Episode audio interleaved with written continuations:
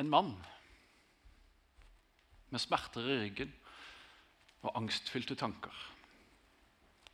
Ytterdøra åpna seg så vidt på gløtt første gangen noen kom hjem til han med en matpose. Etter hvert så åpna døra seg mer, og praten med ett menneske begynte. Behovet for nedvask av huset var der. Og noen kvikke hender, varme hjerter og lyttende ører dukka opp. Huset ble vaska. Antallet bekjente økte, og veien mot nye vennskap begynte. Etter hvert har mannen tatt imot Jesus, som han forlot som ungdom, uten kanskje egentlig å kjenne ham. Han har tatt andre gode steg i riktig retning. Dette er en historie fra Grimstad i løpet av det siste året. Og Det handler om et eh, medmenneske som ble sett. Vi holder på med en taleserie som heter 'Aldri alene'. Og Den skulle egentlig vare ut august måned. Men så kjente vi et behov for å forlenge den noen søndager. Hovedfokuset vårt og første tanken vår det var dette at vi mennesker er aldri alene. For at Gud, han som har skapt oss, skapt alle mennesker, han har sagt at han er nær hos oss. Og Det er sånn uansett om vi føler det eller ikke. Men det er det han har sagt. Jeg er nær hos deg. Han er trofast, han er uforanderlig, og han svikter oss aldri. Han forlater oss aldri. Og så er det ikke alltid det føles sånn. Og Gud han kan oppleves langt borte. Og Det kan være at ikke du tror på han engang, så derfor er han i hvert fall langt vekke. Og Det kan være at vi føler oss alene mange ganger. Men Gud han har lovt at han alltid skal være nær hos alle mennesker. Og Aldri alene det er jo et tema som angår oss alle, helt uavhengig av tro. Utrolig mange mennesker i dagens Norge og i dagens Grimstad de er ensomme. Eller de føler seg ensomme. Ensomhet er blitt kalt den nye folkesykdommen i Norge. Og det er forferdelig mange mennesker som opplever at de er en, uh, alene og ensomme. Og Det kan være at du som sitter her i dag, kjenner på nettopp det. Ensomhet. At du kjenner deg alene. At du syns det er krevende. Og så er jeg overbevist om at alle vi som er her, vi kjenner noen eller omgås noen som er ensomme, og som opplever at de er alene. Det kan være en kollega på jobben. Det kan være en nabo. Det kan være en venn eller en klassekamerat. Eller noen du treffer på treningssenter eller andre steder som du er jevnlig. Og I dag så har jeg lyst til å gi oss alle, meg sjøl inkludert, en oppmuntring og en utfordring. Og Så skal vi starte med å se på om Jesus og om Bibelen har noe å si oss i den situasjonen. Og Jeg skal ta dere med til byen Jeriko i Israel. Og en dag da Jesus skulle forbi Jeriko. Hvis du har gått på søndagsskolen, eller hvis du har vært litt innom ei kirke, i løpet av livet ditt, så er faren stor for at du har hørt historien om Sakkeus. Den finner vi i Lukas 19 i Bibelen vår. Og Der står det han, altså Jesus, kom inn i Jeriko og dro gjennom byen. Der var det en mann som het Sakkeus. Han var overtoller og svært rik. Jeriko var en by som hadde mange handelsreisende som reiste gjennom, for den lå på et sånn strategisk viktig punkt for folk som skulle til og fra Jerusalem og levere varer. For eksempel. og Romerne de hadde kontrollen over Israel på den tida, og de samla inn toll, krevde toll. Og Sakkeus var overtoller. Stod det. det betyr kanskje at han hadde ansvar for et større område der han skulle sørge for at romerne fikk tollen sin. Tollerne de var utrolig dårlig likt blant jødene. Eh, fordi at eh, De som var tollere, de var sjøl jøder. Men så jobba de for romerne, og så tjente de seg rike på sine landsmenns bekostning ved å ta inn mer toll enn det romerne påla de å ta inn. Så Hvis romerne sa du skal ta inn 100 kroner, ikke det at de brukte kroner på den tida, så tok de kanskje 200 eller 300, og så putta de en del i egen lomme. Og De var på en måte overløpere da, til fienden. Litt sånn som nordmenn under krigen som valgte å være på tyskernes side framfor å stå på Norges side. Det var sånn de ble ansett i den tida. Og Det fins et begrep som går igjen i evangeliene, som heter tollere og syndere. Eh, og tollerne de var rett og slett de verste av de verste for jødene. Det var liksom syndere, og så var det tollere. Det var liksom sjefssynderne. Og Sakkeus var overtoller, og han hadde tjent seg veldig rik på sine egne landsmenns bekostning og på vegne av okkupasjonsmakten. Så han var kanskje rett og slett den minst likte mannen i hele Jeriko. Og så står det videre om Sakkeus at han ville gjerne se hvem Jesus var. Han hadde tydeligvis fått nyss om at han kom, men han kunne ikke komme til for folkemengden, for han var liten av vekst. Da løp han i forveien og klatra opp i et morbærtre, ikke jordbærtre, som enkelte tror, men et morbærtre, for å se han på et sted hvor han måtte komme forbi. Og Da Jesus kom dit, så han opp, sa til han, 'Sakkeus, skynd deg å komme ned, for i dag må jeg ta inn hos deg.' Og Når jeg leser dette, så ser jeg for meg Sakkeus sitte oppi det treet. Han er kanskje nysgjerrig og lurer litt, og pulsen går, eller Ikke vet jeg, Han er spent, sikkert. Og så ser han Jesus komme henne i veien der og nærme seg. liksom, og Jesus kommer nærmere og nærmere. Det står det at det var en stor folkemengde der, så det må være mange folk rundt Jesus. og jeg ser for meg at det kanskje er litt sånn der kjendispreg på det. Ei, nå kommer han der kjendisen til byen, og alle skal ut for å se på han for å ta selfie og si at 'jeg var der' når han kjendisen var der. Og det hadde Sakkeus lyst til å være med på å klatre opp i treet for å kunne si at jeg var der òg. Jeg så han òg. Jeg var der når kjendisen var i byen. Sånn er det jo ofte. Men midt i denne støyen, der, den folkemengden som presser på, som er der, så stopper plutselig Jesus opp når han kommer til det treet. Og Så ser han vekk fra hele den folkemengden og det maset og det røret som er rundt han, og så kikker han opp på lille Sakkeus, som ingen liker. Og så tror jeg han smiler til han. Og Så vet han navnet hans, og så sier han, 'Sakkeus, kom ned fra treet. Kom hit til meg. I dag skal jeg være med hjem til deg. Vi skal spise sammen, og vi skal bli kjent.' Og Så står det da at han, altså Sakkeus skyndte seg da ned og tok han imot med glede. Men alle som så det, det murra og sa han har tatt inn hos en syndig mann. Og Sakkeus var som nevnt overtoller og sjefssynder. Ingen likte han. Og Det å spise sammen med noen og det å dele bordfellesskap med noen det var et tegn på at du aksepterte dem. Og Det var jo helt uhørt å da spise sammen med en toller og en synder. Men det var sånn Jesus holdt på med. Han gikk og spiste og delte bordfellesskap. Og han sa du at jeg ser forbi de dumme valgene dine. Jeg ser forbi det du holder på med som ikke er bra. Og så kjenner jeg det, og så vet jeg hvem du er. Og så aksepterer jeg det fordi at jeg har skapt deg, fordi at jeg elsker deg. Og så så Jesus Sakkeus på en måte som ingen andre hadde sett han før. Så så han forbi alt det som alle andre så. Og så så han rett inn i Sakkeus' hjerte. Visste dere det? At Jesus han var den første personen i historien som kom og hevda at alle mennesker har lik verdi. I den tida levde vi med en rang en forestilling om at mennesker hadde ulik verdi ut ifra sosial status eller rikdom eller andre ting. Og så sa Jesus at sånn er det ikke. Alle er like. Alle er like mye verd. Og Det var Jesus den første som sa. Og Det er interessant å se på hvordan vårt samfunn snakker om likeverd og menneskeverd. Og det er pga. Jesus. Og det var noe Sakkeus fikk erfare. Alle de andre mislikte han. Men Jesus han så forbi det, og han sa at du har verdi. Du er viktig. Du er verdifull. Du er elska. Så fikk Sakkeus erfare det i sitt liv. Og Jeg sa til å begynne med at i dag så vil jeg gi oss en oppmuntring og en utfordring. Og Oppmuntringa er nettopp denne. At Jesus han ser akkurat det. Han ser ikke bare Sakkeus eller de som er som Sakkeus, men han ser oss alle. Han ser hver enkelt av oss som er her. Han kjenner det. Han ser ditt liv. Og han sier til deg at 'jeg elsker deg, og jeg aksepterer det'. Og Jeg ser forbi alle de dumme valgene som du gjør. Jeg ser forbi alt det som ikke du burde ha gjort, men som du allikevel gjør. Jeg ser forbi de stygge tankene dine. Og så elsker jeg det. Og jeg syns du er fantastisk, og jeg aksepterer det. Og jeg ønsker å dele bordfellesskap med deg, jeg ønsker å spise sammen med deg. Jeg ønsker å ha fellesskap, og jeg ønsker at vi skal bli kjent. Det er det Jesus sier til hver enkelt av oss i dag.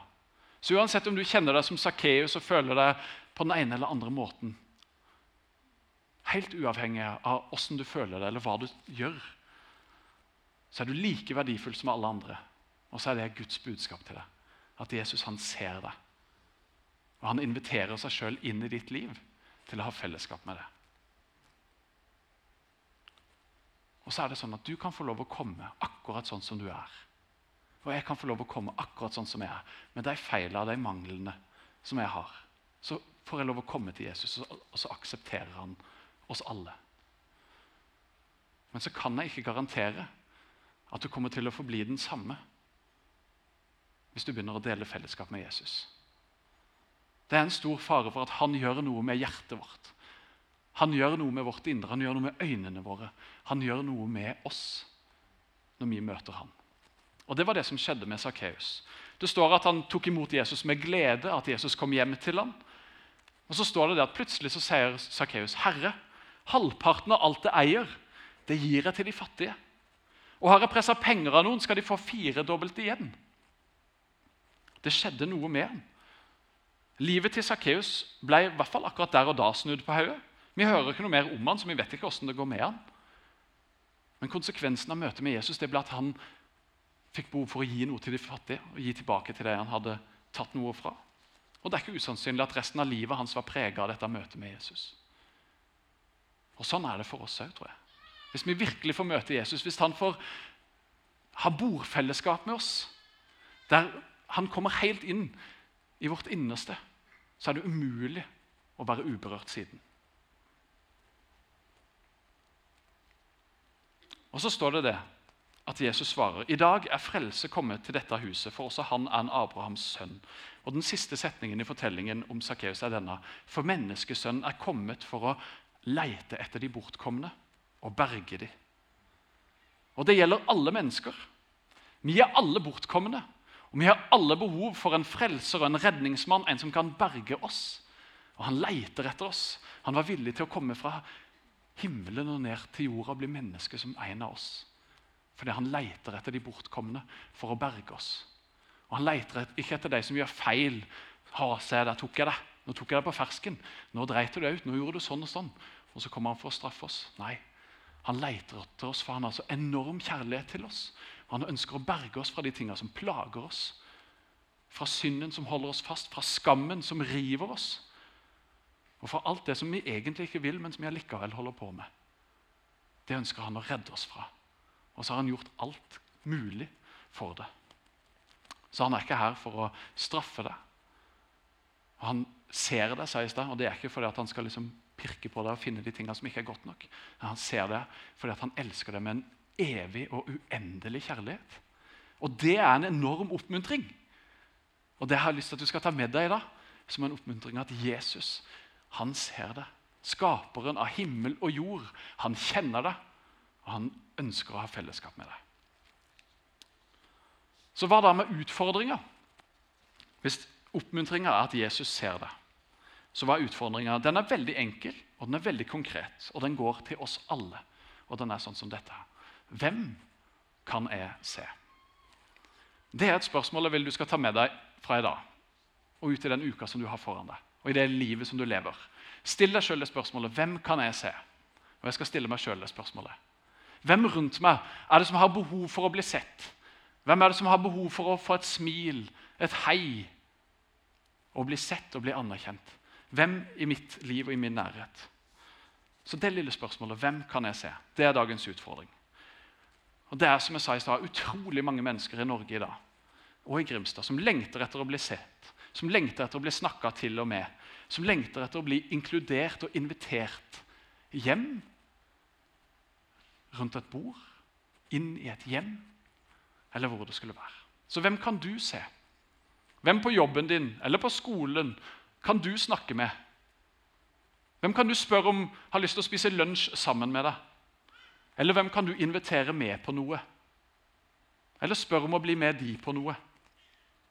Kanskje har du en Sakkeus i din nærhet som du tenker på nå. En som alle går og baksnakker, som ingen liker. Og han der er så irriterende. Hun er så teit og som de andre ser ned på. Og spør deg sjøl, og spør Gud om det er naturlig for deg. Hvem kan jeg se? Og Kanskje du kan se den Sakkeusen som du har i din nærhet. Eller kanskje det er en usynlig person som ingen andre ser, som du får øyne for, som du får blikk for, og som du kan bety noe for. Se om du kan finne én person i løpet av denne uka. Hvem kan du se? Og Så kan det være at du har det hektisk på jobb. Mange har det. Jeg har det. Kanskje du har unger rundt deg som maser og kjaser. Og så føler du egentlig at du har nok med deg sjøl. Det gjør jeg av og til. Jeg husker når jeg var student på lærerskolen i Grimstad. Jeg har vokst opp i Grimstad, vært der hele tida. Så kommer det studenter dit. og Jeg husker jeg tenkte jeg har ikke behov for å bli kjent med noen nye. Jeg har jo mine venner, jeg har så mange. Men det kan godt være at noen av de som begynte i klassen min, hadde behov for å bli kjent med noen nye. Men det hadde ikke jeg blikk og tanke for. Jeg tenkte på meg sjøl. Og Sånn er det i livet våre. Mange ganger så har vi nok med oss sjøl. Men hvis vi kan lære noe av Jesus i denne historien, her, så er det å se vekk fra det maset som er rundt oss. De som skal ha tak i oppmerksomheten vår, alle oppgavene som henger over oss. Og så er det å løfte blikket, og så er det å se de menneskene som er rundt oss. Og så er det å si hei, skal vi ta en kopp kaffe? Åssen går det med deg? Og så videre. Og Det hender at er, og kanskje du unnskylder deg med at nei, det er så hektisk, jeg har så mye å gjøre, jeg har ikke tid. Og jeg tenker at Det er ikke en unnskyldning. Alle har like mye tid. Men hvis vi bruker den unnskyldninga, er det kanskje heller en påminnelse til oss sjøl om hvordan vi velger å prioritere tida vår. Og kanskje det er en påminnelse til at ok, jeg skal prioritere ned noen av de tinga som er veldig hektiske og tar mye tid, og prioritere noe annet som er viktigere.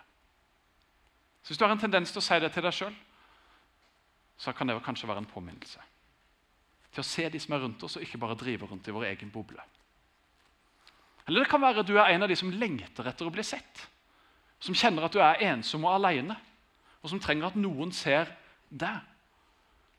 Da er min utfordring like fullt til deg å stille deg spørsmålet hvem kan jeg se? Psykologer og andre som har greie på det, de sier akkurat det samme.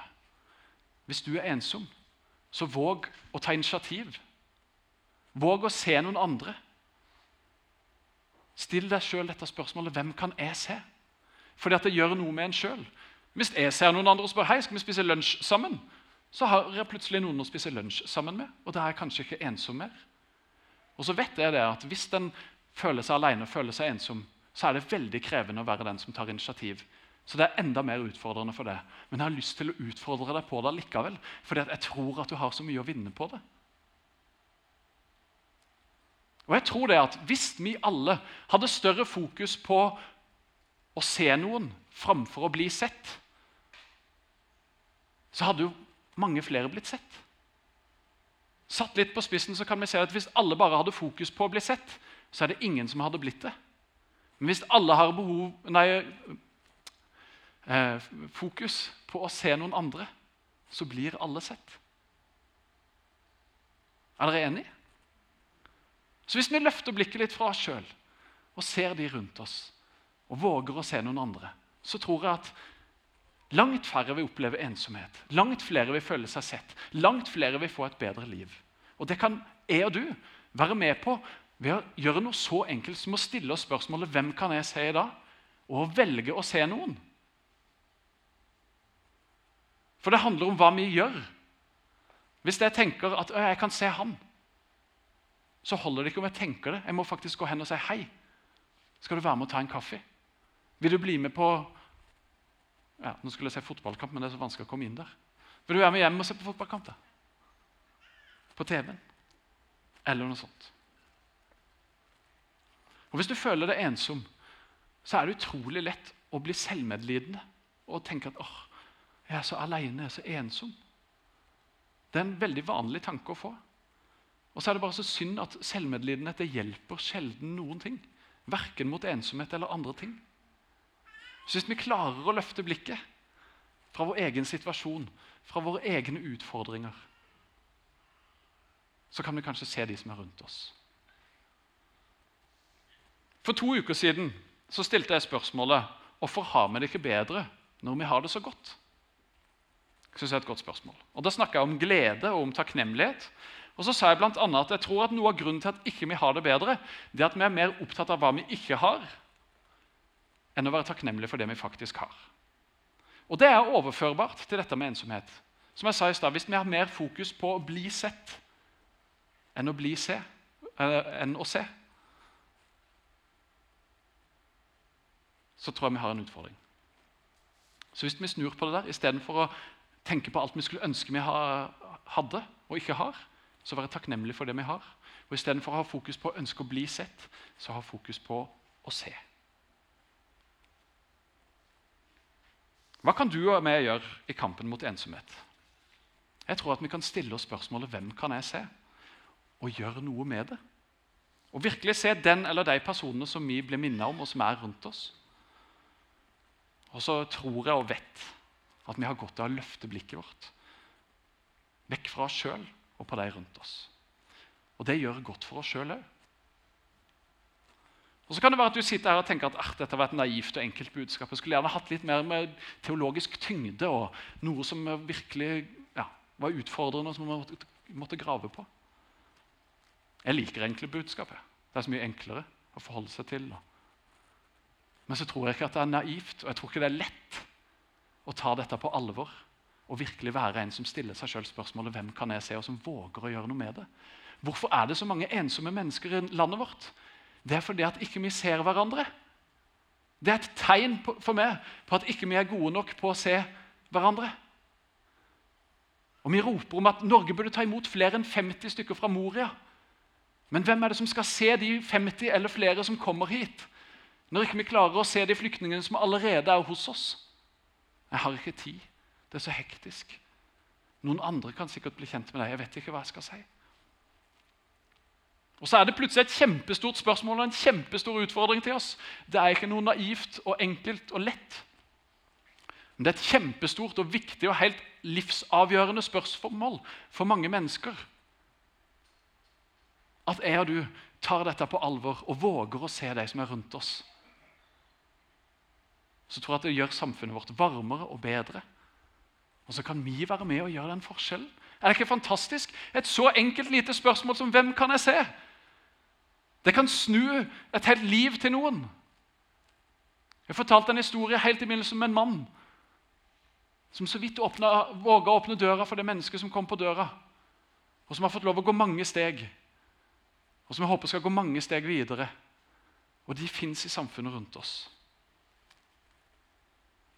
Neste uke skal vi ha fokus på menighetsfellesskapet og på hvilke måter vi som menighet kan møte ensomhet og sørge for nære og gode fellesskap.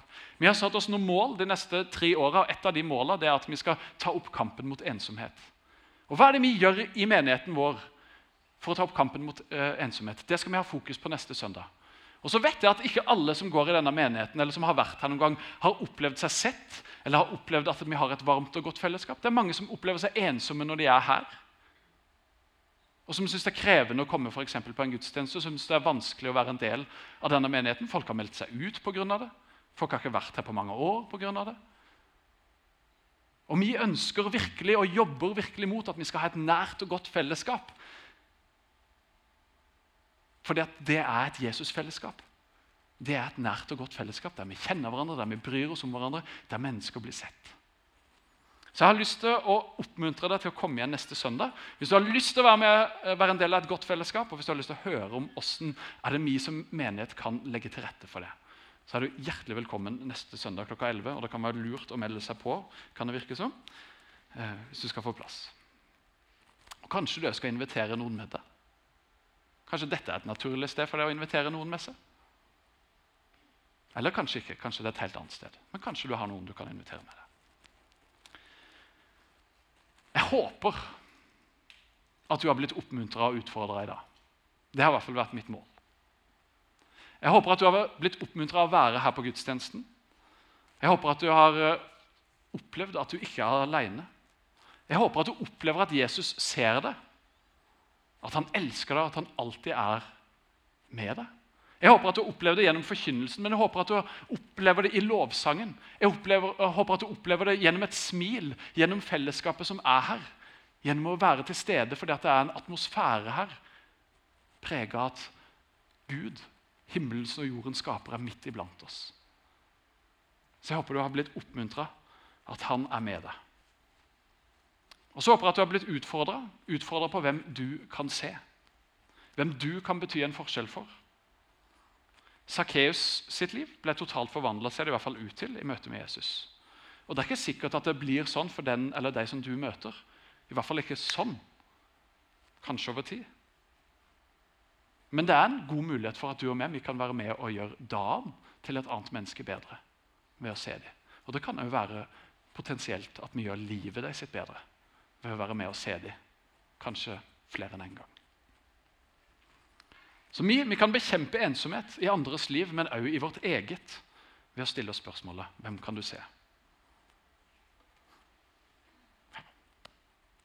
Jeg har lyst til å be en bønn, men før det så har jeg lyst til å minne om det som Trond Vegard sa innledningsvis. Vi har forbedret helt bak.